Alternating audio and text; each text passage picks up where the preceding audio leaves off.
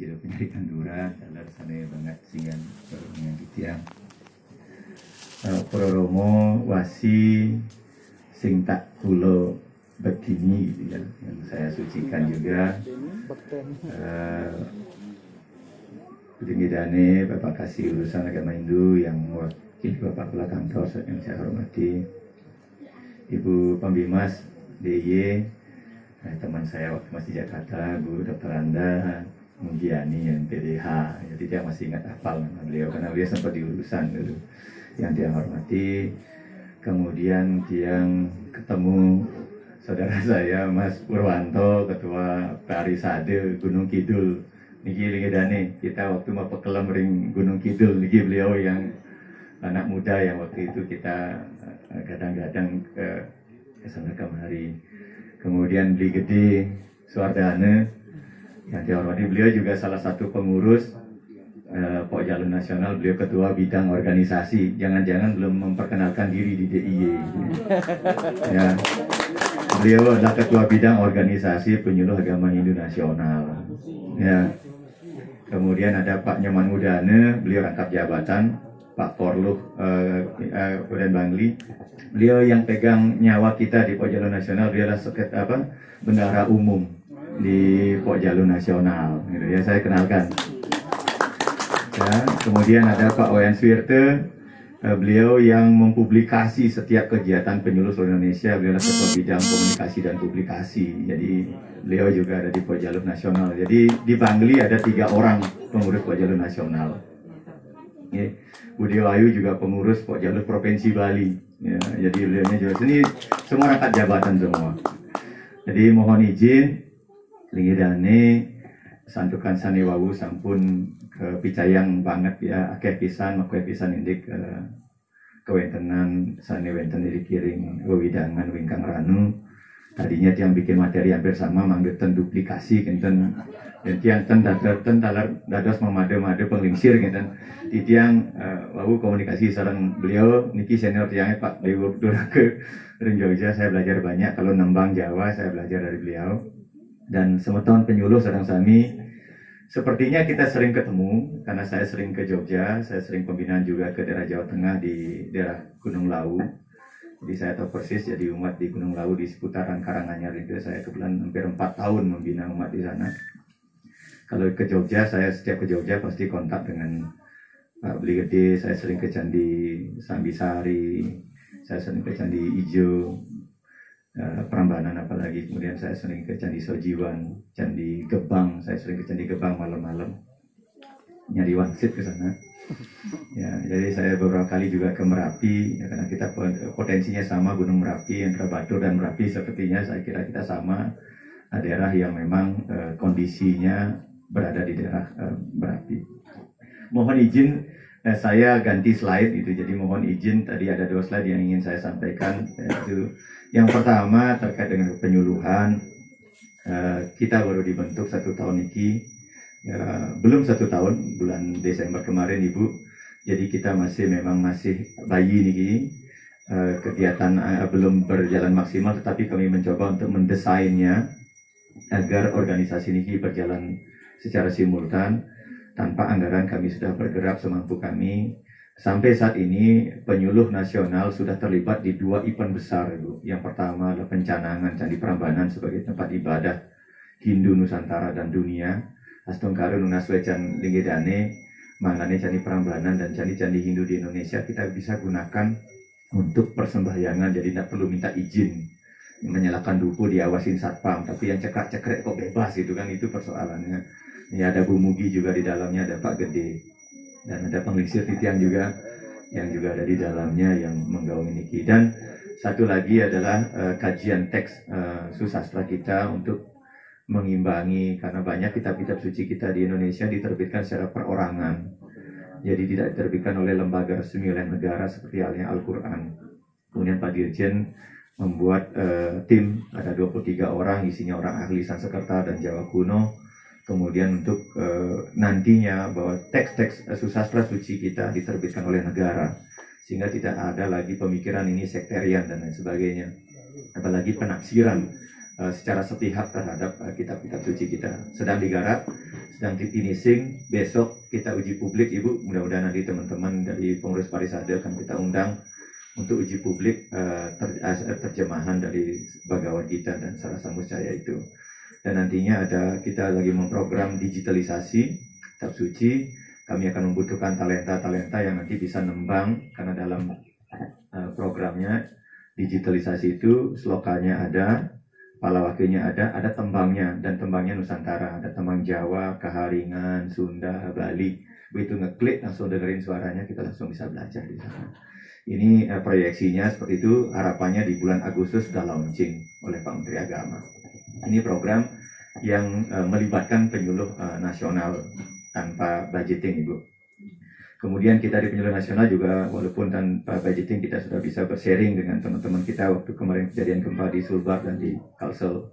Kita saling bahu membahu dan yang terpenting juga untuk pengepok jalur uh, Yogyakarta uh, saya kira saya memiliki keyakinan sudah dibentuk pok jalurnya bu. Jadi harapannya saya pok itu tidak ngantor di kementerian karena biar nggak jeruk makan jeruk ya dan mohon segera kami tunggu proposalnya maksimal sampai di bulan Oktober karena sampai saat ini di pusat proposal belum ada yang masuk. Silakan proposalnya boleh BOP, boleh prasarana. Silakan. BOP yang baru dapat sekarang ada 8, dua dari di Bali, satunya di Bangli dan satunya di Karangasem. Nah, penilaiannya sederhana Ibu, kemarin saya tanya kenapa kok Bangli, jangan-jangan gara-gara kok jalurnya ada di Bangli, bukan. Ternyata memang Pak Dirjen itu membidik digitalisasi penyuluh Nah harapan saya penyuluh Niki uh, bisa uh, menyumbangkan kreativitasnya, penulisannya, kemudian eh, bentuk-bentuk uh, kepenyuluhannya melalui digitalisasi, balik melalui media sosial. Apalagi sekarang sudah keluar Permenpan RB yang terbarukan dan kami di penyuluh nasional sedang merancang tiga PMA baru. Satu penyuluh ke depannya itu sertifikasi Uh, jadi uji kompetensi bu sama dengan sama dengan guru dan dosen. Jadi kalau nggak ada sertifikasi nggak lulus, dos, uh, tunjangannya nggak dibayar gitu. Ini siap-siap saja. Kemudian terkait dengan um, kepenyuluhan, semua genre media sosial itu bisa digunakan untuk media penyuluhan. Jadi semua genre bu, mau Twitter, Instagram, TikTok dan sebagainya. Nah di bulan Agustus kami sedang merancang lomba TikTok tapi khusus milenial bu. Nanti hadiahnya lumayan besar, sekitar 25 jutaan. Di khusus untuk uh, milenial. Jadi TikTok tapi isinya tentang Dharma. Kemudian kami sedang merancang juga di penyuluh nasional tentang sloka nada. Jadi pengucapan sloka priring uh, khas Nusantara nanti kita lombakan. Tapi durasinya satu menit satu sloka satu menit. Nanti kita bisa bisa unggah di Instagramnya uh, direktorat. Jadi ini program-program terobosan kita untuk me, apa namanya mengadopsi apa pemikiran Pak Menteri Agama yaitu digitalisasi, apa, digitalisasi penyuluhan. Dan yang terbarukan, Niki Dani juga tiangnya mudah-mudahan benar kesampaian bahwa nanti KUA akan direvitalisasi yang selama ini ansih KUA itu milik orang Islam, nanti KUA itu semua umat agama bisa ngantor di sana. Bulan di Kintamani Sampun Wetan KUA dan menjadi salah satu pilot project Pak Menteri Agama ya nanti semua tahun penyuluh bisa ngantor bisa me, apa pencatatan perkawinannya nanti akan bisa dilaksanakan di KUA gitu. Ini terobosan-terobosan terbarukan yang menjadi program unggulan Bapak Dirjen saat ini. Baik Ibu, yang minta waktu sedikit. Jadi desain penyuluhan di zaman kali eranya normal karena kita masih di zaman pandemi. Materi ini sebenarnya materi lama, ya, tetapi mungkin kita nggak ngeh gitu. Ini sebenarnya materi lama yang sampaikan Nah ini hanya doa kita, jadi saya berharap teman-teman penyuluh, jadi kita eh, yang pada hari ini tidak dalam rangka menggurui, apalagi wenten eh, penglingsir titiang, Riki senior titiang, ya.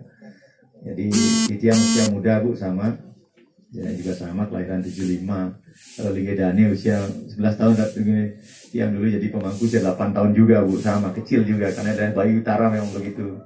Titiang di desa Kedisang bu, desa pinggir danau dulu sama sepinggiran cuman desa Batur pindah ke bawah eh kayak pindah ke atas tiang masih di bawah gitu. Kebetulan masih ada sepis lahan yang memang tidak kena lahan. Uh, ini doa kita bahwa kita semuanya sedang belajar bersama-sama untuk maju bersama-sama untuk mendapatkan pencerahan bersama-sama dan nanti dalam perjalanan kita diskusi kalau ada hal-hal yang kurang berkenan agar kita bisa saling memaklumi dan saling memaafkan karena itulah sesungguhnya uh, tujuan kehadiran kita untuk tidak saling menggurui. Nah, saat ini kita hidup di zaman Kali Yuga. Ya. Orang bilang kita hidup di zaman Kali Yuga. Bahwa di zaman Kali Yuga ini ada empat tiang dharma, tiga sudah rontok, itu tinggal satu. Ya, di zaman Kali Yuga ini sulit sekali orang uh, mencari orang jujur gitu sulit, sangat sulit. Ya. ada tapi sangat sulit. Ya.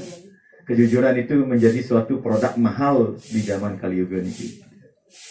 Ya, mudah-mudahan kita semua para penyuluh ini masih yang jujur-jujur gitu ya. Walaupun kadang-kadang selfie jadi laporan kan gitu. ya. ya, entah fotonya di mana, tiba-tiba Bu Mugi bilang laporan penyuluhan, fotonya di mana. Saucam kesucian diri. Ini juga eh, kesucian diri di zaman Kali Yuga memang sangat sulit kita dapatkan. Tetapi kita sebagai umat Hindu sudah diberikan banyak jalan untuk bisa menyucikan diri terus-menerus. Seperti apa yang sudah semeton kita lakukan hari ini dengan Metirta Yatra. Ya Tirta Yatra itu dalam rangka untuk kita menyucikan diri kita. Sehingga saya sering apa ngiring dane keliling Tirta Yatra. Tirta Yatra itu beda dengan jalan-jalan apalagi mau shopping gitu ya. Nanti pasti ada sesi jalan-jalannya kan Bu ya. Nah, rangkap lah gitu.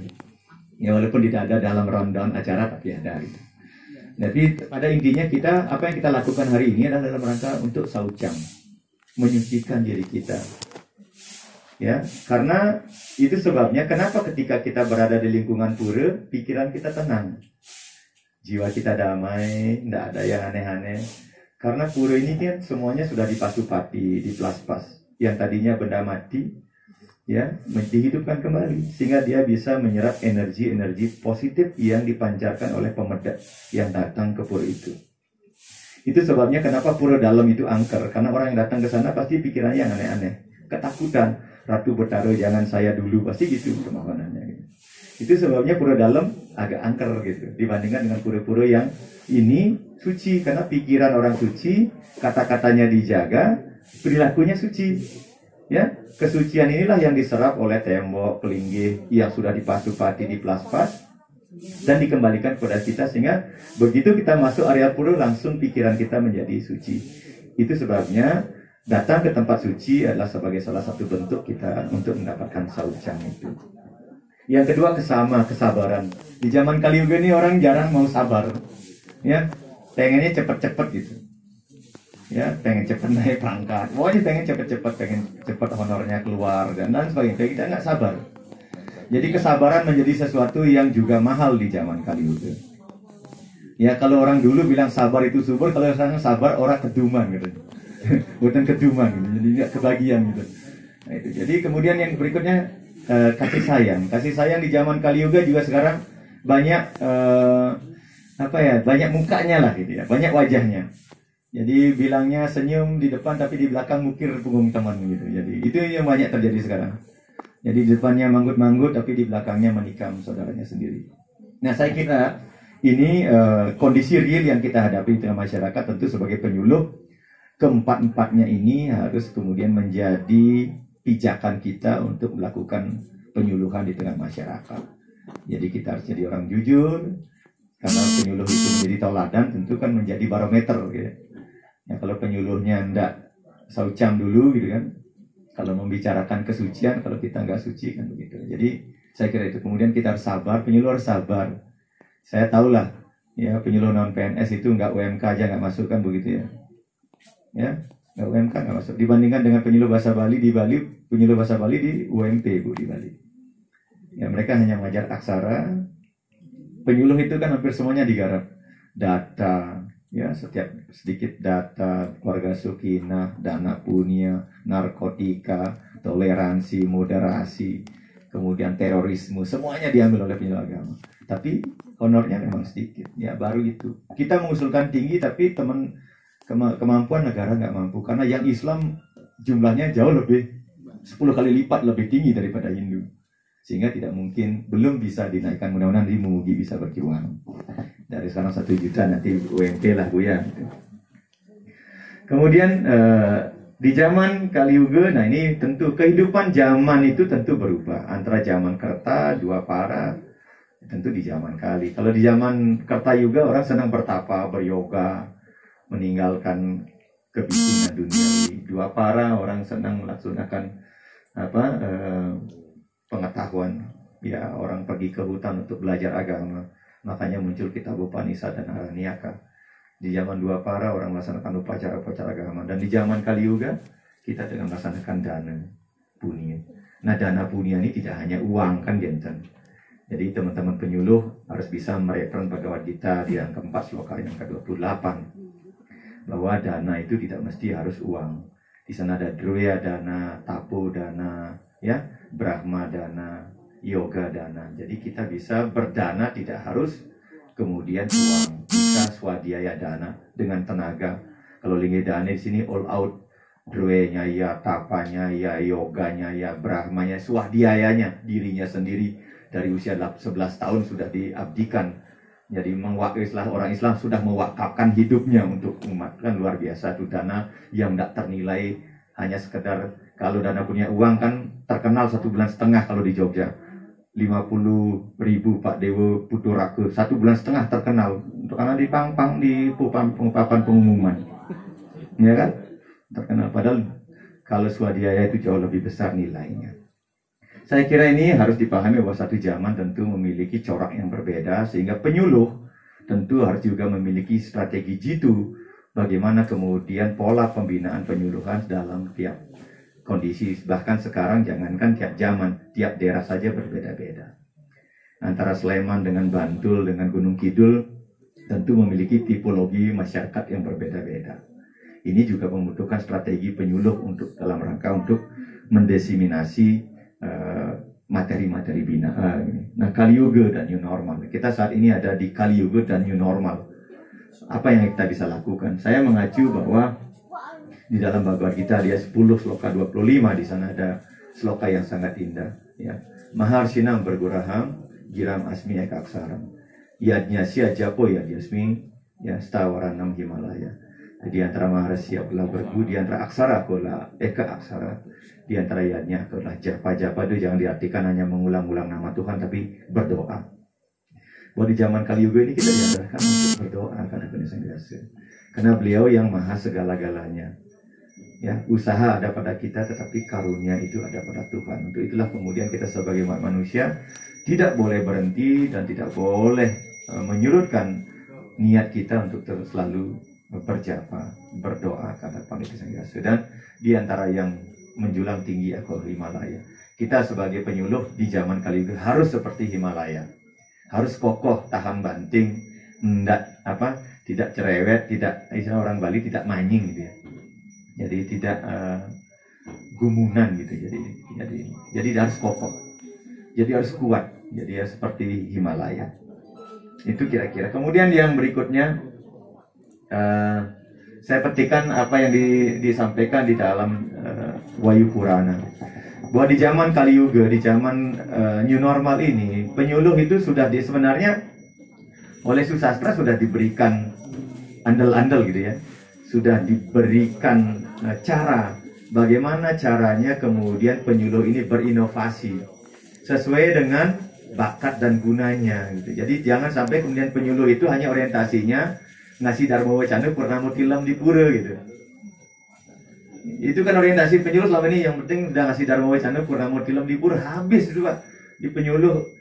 Ya di Jogja ada 32 pura bangun tapan dia habis pak. Nanti gilirannya paling bisa tiga bulan sekali baru kebagian dharma wacana di pura. Lalu umatnya gimana?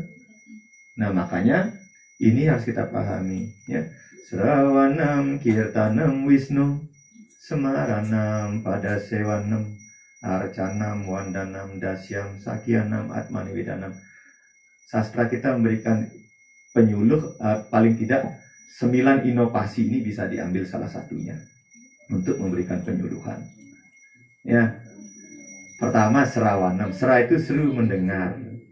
Jadi jadi jadi penyuluh harus menjadi karena salah satu fungsi penyuluh kan menjadi informatif. Jadi kita harus bisa mendengar keluhan umat gitu. Mendengar saja sudah melakukan penyuluhan itu. Ada orang datang mau konsultasi, ya kita dengerin aja gitu. Mendengar saja sesungguhnya sudah melakukan fungsi-fungsi penyuluhan. Mendengar keluhan umat, mendengar aspirasi umat. Apa sih yang menjadi persoalan umat? Ini kan perlu di dipotret juga oleh penyuluh.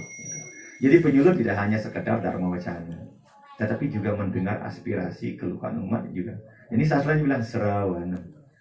Ya, makanya kitab suci kita namanya seruti karena kita mendengar maharsi kita kan dulu mendengar sabda Tuhan. Nah kita jadi penyuluh memang harus suka mendengar. Jangan sampai tidak mau didengar apa uh, apa namanya keluhan umat itu. Jangan sampai diabaikan, apalagi di refuse, apalagi di reject gitu. Baru ada kirim apa WA kita kering kering langsung di reject. Ah, nasi ada pipis nih nih, mati ya. main kuning. Jadi paling tidak kita serawan. Yang kedua, kirtanam. Kirtanam itu menyanyi. Tadi kan sudah bagus. Membina umat tidak ada remaja, tapi bisa mengajarkan kidung di Jawa sudah ada mocopatan, sekarang di Bali ada sekarare, sekarang alit, sekarang madi, sekarang agung. Di Jawa ada bowo.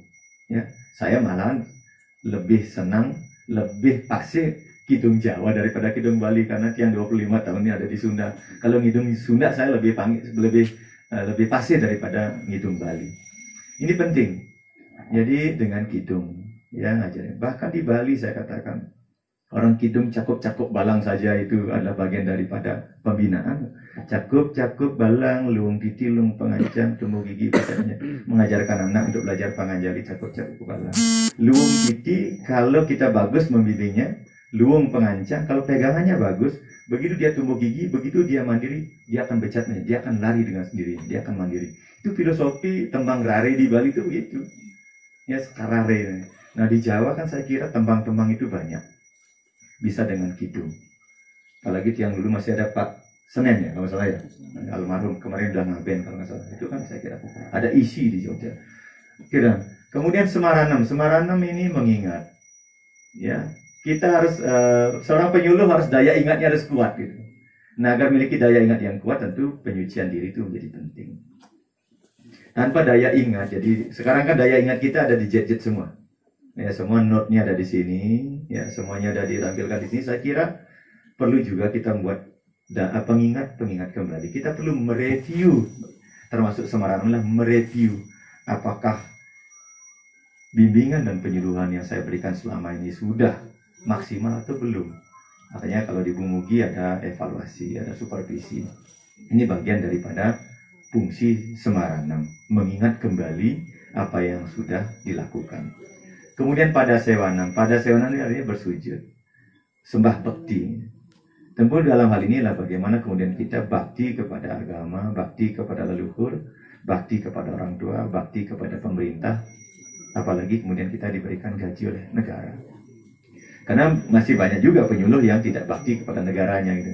Ya, ada temuan di Jawa Barat misalnya penyuluh jadi provokator gitu kan nggak boleh terjadi.